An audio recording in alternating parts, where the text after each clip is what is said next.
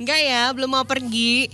Jadi cuma pengen mau informasiin bahwa Dokter Haris dari RSC Anugrah sih bisa datang tapi nanti di menit ke 30 karena memang mungkin lagi uh, melakukan operasi kali. karena Dokter Haris ini kan uh, apa namanya? Uh, dokter bedah gitu kan. Jadi uh, apa namanya mungkin banyak sekali yang di yang harus dikerjakan diselesaikan. Tapi diusahakan nanti di menit ke-30 bakal hadir di sini bakal ngobrolin tentang pentingnya hitan pada anak. Silahkan Anda siapkan pertanyaan kalau misal penasaran banget atau pengen tahu gitu ya seputar hitan pada anak seperti apa sok atuh dikirimkan nah sebelum mengirimkan saya pengen kasih informasi lagi tadi ada yang tanya e, seminarnya full day ya kayak iya betul jadi seminarnya ini adalah full day seharian uh, full day parenting itu sebabnya uh, kalau anda daftar anda bisa dapatkan lunch, makan siang dan juga dua kali cafe break. Dua kali cafe break ini nanti bakal dibagi waktunya. Jadi silahkan saja hanya dengan dua ratus ribu rupiah Anda bisa dapatkan include sertifikat, kemudian free tes psikolog ya MBTI Kemudian paket goodie bag, terus door prize banyak, ada lagi tabungan simpanan pelajar dari bank mana kalau nggak salah coba saya lihat dari bank BTN. Nah ini yang paling keren banget include-nya bagus, keren dan materinya juga nggak kalah kerennya adalah mendeteksi sejak dini bakat dan minat anak, manajemen konflik keluarga yang sering banget dirasakan sama keluarga baru dan keluarga lama ya. Jangan sampai uh, kita berkonflik dengan suami ataupun istri kita tanpa ada penyelesaian. Yang ada justru malah numpuk numpuk numpuk numpuk numpuk jadinya menggunung dan one day akhirnya tuh ada kemarin ada kasus yang sempat saya dengar gitu ya di daerah uh, Podosugi atau mana ya itu ya ada suami yang bunuh diri gegara istrinya selingkuh gitu kan uh, ngegantung diri itu kan baru kemarin gitu. Nah itu kok bisa gitu loh eh, terjadi konflik keluarga sampai sedemikian rupa gitu. Nah Anda pengen memanage-nya, ya namanya konflik kan memang selalu ada, tapi bagaimana cara kita memanage gitu ya. Anda pengen belajar, boleh silakan ikut saja seminar ini. Kemudian materi yang lain ada pola asuh yang tepat sesuai dengan perkembangan. Mendidik anak di era digital ini juga penting banget ya. Jangan sampai Anda kasih anak Anda uh, smartphone, terus dia main-main handphone dan lain sebagainya. Akhirnya jadilah anak kita anak yang bakal ngurusin handphone mulu gitu. Itu yang bahaya. Terus yang terakhir adalah hypnoparenting. Jadi orang tua yang baik harus belajar, harus sinau gitu ya. Kalau kita nggak mau sinau ya udah bakal carut marut nanti generasi kita. Jadi ikutlah seminar full day parenting dengan coach uh, Rizky Nuansa Hadian atau Mas Ansa dengan tema belajar mendidik anak dari A sampai Z dalam sehari. Hanya Rp200.000 saja, silahkan bisa daftar ke nomor 0812 270 0895.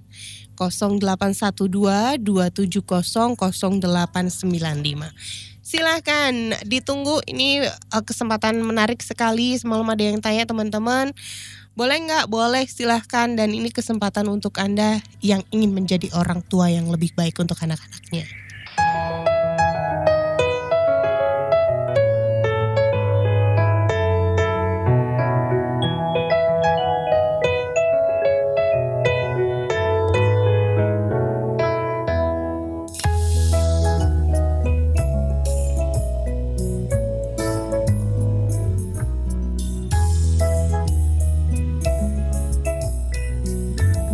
103,8 FM Bintang Seman Pekalongan. Inspirasi tanpa batas. Familiana Seperti janji saya tadi ya Di menit ke-30 akan hadir bersama kita Dr. Haris dari RSC Anugrah Selamat pagi dokter. Ya, Selamat pagi Mbak. Assalamualaikum warahmatullahi wabarakatuh. Waalaikumsalam. Kabar baik ya dok ya? Baik Mbak yes sibuk sekali. Namanya juga dokter ya. Jadi sibuk sekali tapi alhamdulillah bisa hadir di sini ya, Dok. Iya. Kita mau ngobrol tentang pentingnya hitan atau sunat pada iya. anak. Uh, kita tahu kalau apa namanya dalam Islam sendiri kan memang sudah dijelaskan gitu ya dok ya iya. pentingnya hitan itu apa saja gitu kan tapi mungkin ada yang belum ngeh gitu iya. silahkan dokter kita bahas hari ini iya, iya. Pertama kita mulai dari pengertian dulu ya. Mhm. Kita tahu ada apa eh, kosakata kitan, Mhm. ada bilang sunatan. Terus kalau dari segi medis kita bilang sirkumsisi ya, Sir sirkumsisi. sirkumsisi. Iya. Prinsipnya itu sama semua sih, Mhm. yaitu memotong eh, kulit penis atau prepudium Mhm. atau kulup itu ya, kalau orang kita bilang kulup dengan tujuan agar dari organ penis itu bersih. Mhm. Jadi dia tidak ada kotoran di situ. Kotoran di sini maksudnya sisa-sisa kencing gitu loh. Hmm. Memang kalau habis eh, kencing selalu ada yang tertinggal gitu dok. Biasanya ada yang tersisa. Gitu. Hmm. Itu sebabnya kenapa harus di dipotong, Dipotong. tujuannya seperti itu juga hmm, untuk kebersihan kita. oh gitu. Jadi kan di kalau di Islam sendiri kita kan eh, tujuannya kan bersih dari najis itu ya. Mm-mm. Nah, itu ya kalau sirkumsisi dari segi apa segi kedokteran dari kesehatan ya memang tujuannya agar eh, tidak terjadi infeksi di daerah penis itu. Oh gitu. Gitu. K- kalau misal eh, bisa ya dok ada kasus gitu yang yang yang akhirnya terjadi infeksi di Ya. di daerah penis itu. Ya banyak banyak. Jadi kalau sering ya kita jumpai di bangsal-bangsal atau kita di poli itu Mhm. Anak itu biasanya gejalanya demam, Demam. panas, tapi nggak tahu sebabnya gitu kan, Hmm.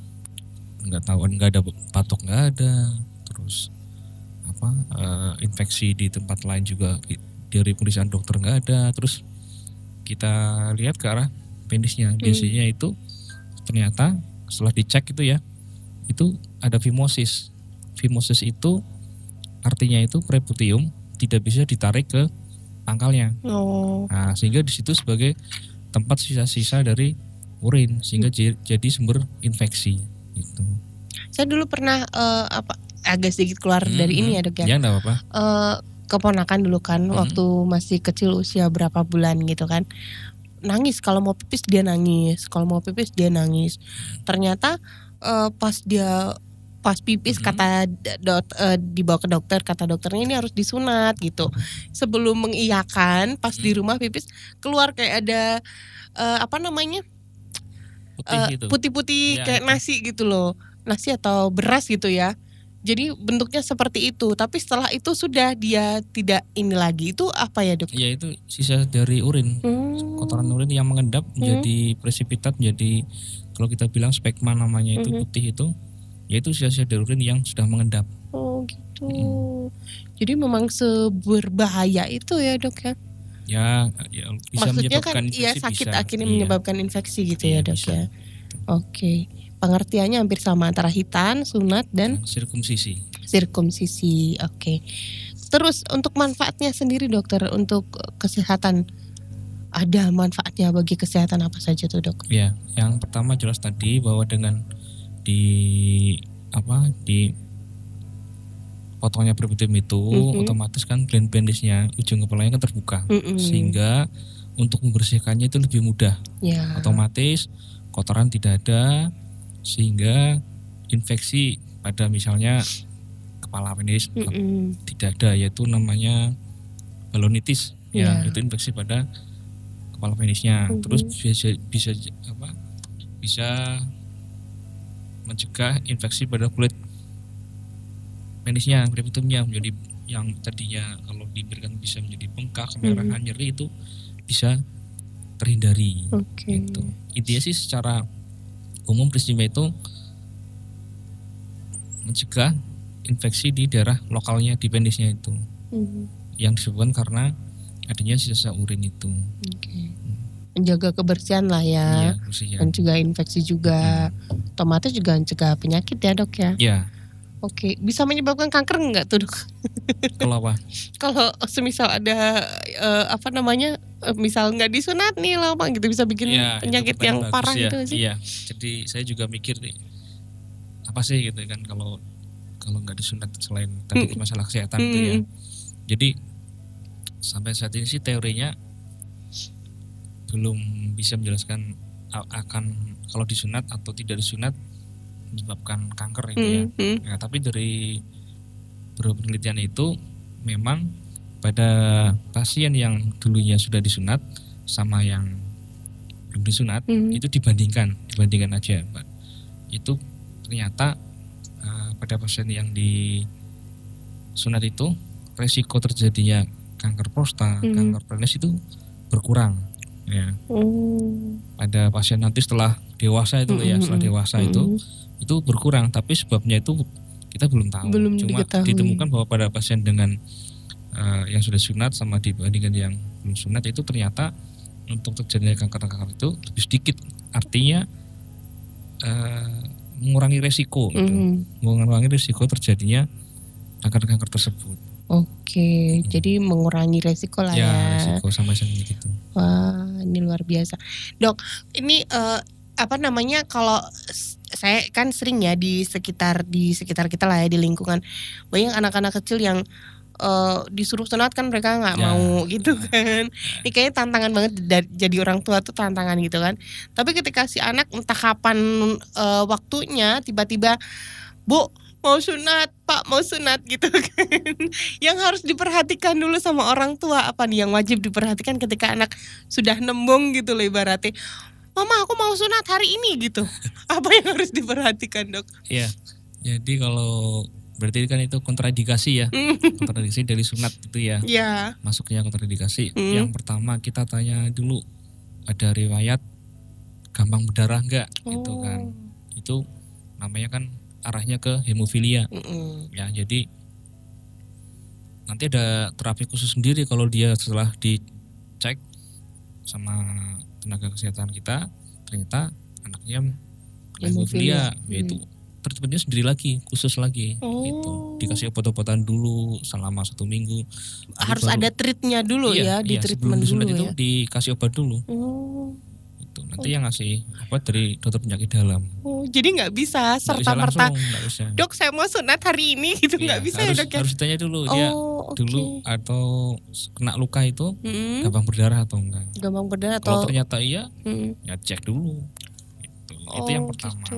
Kalau misal orang tuanya nggak tahu, aduh saya nggak tahu dok, gitu gimana dok? Ah, Dari cek-cek gitu bisa ya dok, diketahui bisa ya? nanti ya bisa nanti cek uh, studi koagulasi dari Hmm. darah cek darah pokoknya itu Cek nanti. darah lah Iya, ya. ada. Oh, oke. Berarti memang itu yang pertama karena Mm-mm. memang akan dilukai, ibaratnya ya, dok akan dipotong gitu ya. itu kan syarat dari sunat sendiri kalau di kita Islam kan harus berdarah itu ya Mm-mm. Nah, ternyata kalau dia punya hemofilia darahnya itu enggak Nggak berhenti berhenti, berhenti Nah, itu kan bahaya. membahayakan. Hmm. Terus yang Oke. kedua Mhm. ada lagi namanya kontraindikasinya ya yang harus diperhatikan itu Mhm. ada yang kita sebut dengan epispadia, hipospadia. Jadi Hipospadia. lubang uretranya itu Mm-mm. itu bukan di ujungnya, Tapi tapi bisa di atasnya itu atau di bawahnya. oh kok bisa gitu dok? ya itu kelainan kongenital kadang-kadang sering saya dapat kayak gitu Hmm, nah, jadi lubang uretranya itu Mm-mm. di atas terus Atau di gimana dok? Berpengaruh nggak dok? iya nah itu ndak kita ndak batalin sirkumsisinya ndak bisa Harus tetap dieksekusi. ndak ndak Oh Kita nggak boleh ya ndak boleh dibatalin. itu kontraindikasi Oh, terus apa yang harus dilakukan dok Ya, ketika itu sudah kalau diketahui? sudah kayak gini itu kan kulitnya kemungkinan buat untuk rekonstruksi ya jadi ndak bisa disirkumsisi itu ndak Heeh. nanti kita rujuk ke dokter urologi Oh, berarti harus Khusus. diapain tuh dok? Khusus di rekonstruksi nanti dibuatkan saluran baru, baru yang ujungnya itu di harus di di tengah. tengah dari penis itu Hmm.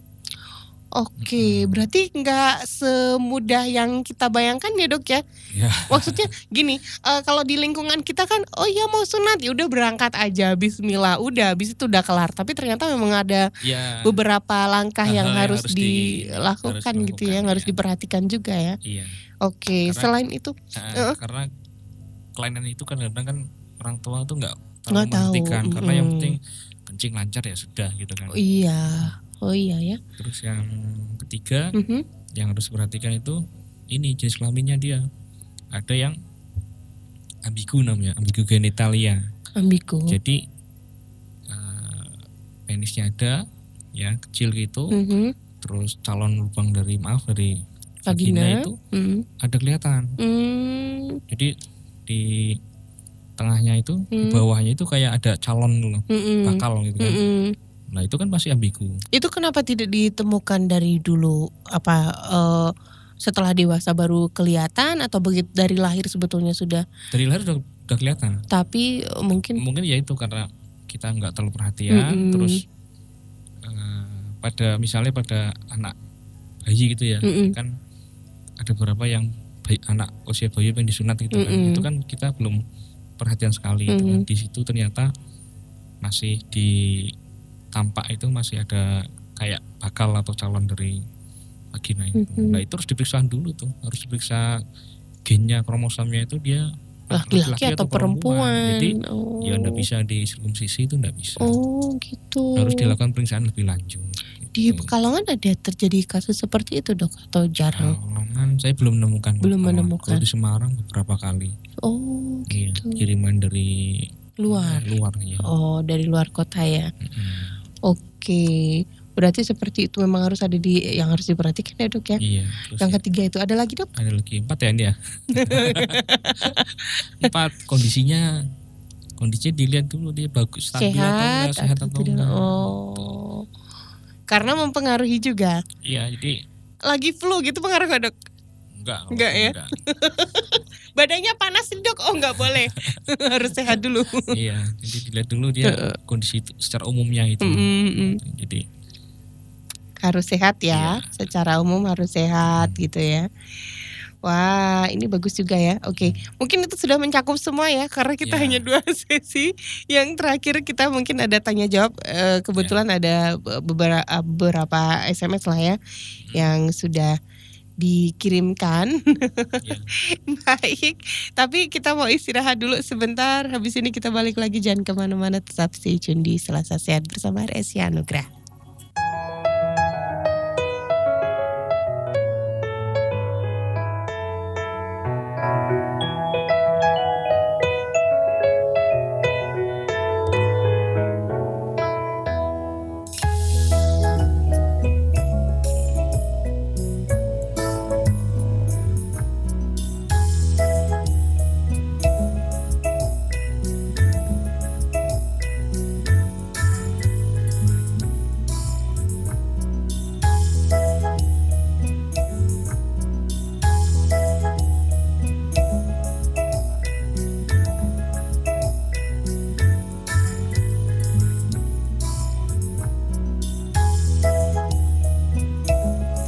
Familiana terima kasih Anda tetap stay tune bersama kami dan juga Resia Anugrah ya. Dokter kita eh, sesi terakhir dan masih ngobrol tentang pentingnya hitan pada anak ya. Tadi beberapa manfaat dan juga eh, apa namanya poin-poin penting yang harus kita ketahui sebelum anak minta disunat itu apa saja sudah sempat dibahas. Dok, ada yang eh, beberapa waktu yang lalu kan sempat ini juga ya, sempat rame juga perempuan juga harus hitan loh kayak gitu-gitu. Itu gimana dok kalau menurut kedokteran Kalau di kedokteran nggak ada itu sih. Sirkumsisi pada Perempuan. perempuan, itu nggak ada. gitu? Iya, secara kesehatan Hmm, nggak ada. manfaatnya juga nggak ada sama sekali dok. Nggak ada, malah sakit mungkin kali ya. Hmm, Kan dia melukai atau motong sedikit ya. hmm, Di maaf di area tertentu lah Iya, ya, iya. Yang akhirnya bisa eh, berimbas di ini nggak sih? Nah, kalau sudah sembuh sih nggak nggak ada efeknya. Cuma dia kan nanti risiko berdarah, risiko infeksi itu kan. oh, Gitu. oh gitu ya. Iya. Soalnya beberapa waktu yang lalu kan juga sempat rame ya. Ya, di ada yang mengharuskan gitu kan di daerah tertentu juga ada yang mengharuskan gitu kalau perempuan harus disunat tapi ternyata lebih ke arah ini ya sosial atau budaya gitu. budaya Ya. Gitu tapi mungkin dengan pengetahuan yang sekarang udah ini udah tidak ya dok ya tapi yang pasti memang kalau laki-laki harus ya Ya, harus. dengan alasan eh, untuk kesehatan gitu Iya, kan selain itu juga memang dari agama kita jelas perintahnya kan. Iya, sudah jelas perintahnya untuk kebersihan dan juga kesehatan. Kita ke SMS ya, Dok ya. Ya, boleh silakan. Yang sudah dikirimkan sama eh, Bu Nini. Selamat pagi dokter, saya mau bertanya, Pati Bu Nini. lebih baik mana hitan masih bayi atau usia 7 sampai 10 tahunan? Terima kasih. Jadi sudah saya sebutkan tadi masing-masing itu punya kelebihan ya. Mhm. Kalau pada bayi Mhm. dia itu kan belum ingat sakitnya atau trauma ke rumah sakit, jadi tidak ingat. Tapi kelemahannya kalau bayi itu dia organ genitalnya itu masih kecil, ya. Jadi, susah. Susah nanti. Oke. Walaupun insya Allah sih bisa itu, nggak masalah itu. Tapi kalau udah besar ikutan gede juga kan? Nah, Maksudnya sesuai dengan pertumbuhan lah. nah, ya pasti itu. Oke, baik. Nanti kalau pada usia SD itu 7 sampai 7 sampai 8 ya itu kira-kira ya. Itu secara anatomis itu udah ini udah lebih besar ya. Jadi kita teknik untuk operasinya untuk kitannya itu lebih mudah ya. Itu. Tapi memang ada risiko juga ya. Resikonya apa dok? Ya, itu tadi sama juga karenanya namanya operasi juga ada pasti ada perdarahan. Oke, ada pendarahannya dok ya. tapi dengan standar yang sudah ada, yang sudah ada, insya Allah itu nggak ada. Dengan di screening dulu tadinya ya yang ada hemofilia, Hmm. ada gampang berdarah atau enggak itu, ya tentunya insya Allah nggak ya nggak akan terjadi seperti itu. Oke, jadi eh, memang harus disesuaikan dengan kondisi ya dok ya. Ya, Kalau mau eh, masih bayi boleh, tapi itu dia akan kesusahan gitu ketika dieksekusi gitu ya, karena ya, masih kecil gitu ya kan. mungkin lebih eh, karena waktu ya, jadi yang harusnya cuma 10 menit jadi bisa 25 menit Mhm. gitu. Kalau usia masih bulan-bulan gitu, maksudnya 12 bulan, itu juga sudah bisa trauma ya dok ya? Bisa gak sih usia misal satu tahun nih anak saya udah satu tahun gitu? setahun belum kayaknya setahun belum Belum ya? ingat apa yang terjadi gitu. Hmm, tapi eh, secara apa namanya ini Jadi juga boleh, boleh di- sudah sudah, boleh, diperbolehkan ya. Gitu. Kalau biasanya kan anak SD itu kan biasanya eh, usia itu antara enam tahun, tujuh tahun. Mhm. Itu kan mau masuk SD gitu Ya, kan. maksudnya minta sunat itu Eh, kan. minta libur sunat. panjang gitu ya. itu gitu itu mungkin waktu yang tepat juga ya tapi Iya. takutnya juga trauma ya mungkin itu di treatment sama orang tua dan juga dokternya pastinya ya dok Iya. ya oke kemudian SMS yang kedua nih ini sudah gabung di eh apa namanya di mana ini mbak Resti di ah di Instagram Instagramnya RSC Anugrah ya oke dari Mbak Neneng Kristi, terima kasih sudah bergabung. Eh, dokter saya mau tanya, apakah hitan pada anak baru lahir? Oh sama, lebih dianjurkan atau tidak? Ter- Kemudian apa manfaatnya jika anak baru lahir langsung dihitan? Manfaatnya berarti nih, kalau baru lahir dihitan ada manfaatnya tidak? Hampir sama ya Ya sama lah pokoknya jadi kalau semakin cepat di dilakukan. dilakukan kita dengan membuang prepidium itu Mhm, otomatis resiko terjadi infeksinya juga semakin berkurang. Semakin berkurang. Tetapi itu dia ke- akan kesulitan gitu ya, dok ya. yang tadinya 10 menit jadi 25 menit setengah jam gitu. Lebih lama lagi Lebih tapi lama. tapi ini bisa intinya. diperbolehkan dan Bisa, bisa. iya. Oke, jadi bisa ya. Silakan nih kayaknya pilihan dari orang tua sendiri deh, mantepnya mana gitu ya. Iya. Mau se dari kecil boleh, se setelah dewasa juga boleh. juga. Intinya sih begitu aja. Ini membuka kesadaran kita eh, dan juga masyarakat gitu ya. Eh, kesadaran akan hitan itu manfaatnya adalah untuk menjaga kebersihan dan juga eh, kesehatan itu yang paling penting. Jadi kalau misal ada yang sudah 12 tahun belum disunat, coba deh dirayu-rayu ya dok ya untuk mau disunat gitu. Terima kasih dokter sudah hadir di Family ya, Ya, terima ngobrol kasih, Mbak. Aha, tentang kitan dan kalau ada yang pengen bertanya-tanya atau konsultasi bisa langsung ke Dokter Haris atau ke RSI Oh, Anugrah ya. Ya, siap. Baiklah, saya juga mesti pamit dari Familia. Terima kasih untuk hari ini dari kawasan Sriwijaya nomor 2 Pekalongan, Kompleks Gedung Aswaja lantai 2. Ira dan juga Dokter Haris pamit. Terima kasih untuk hari ini. Wassalamualaikum Ya, warahmatullahi wabarakatuh.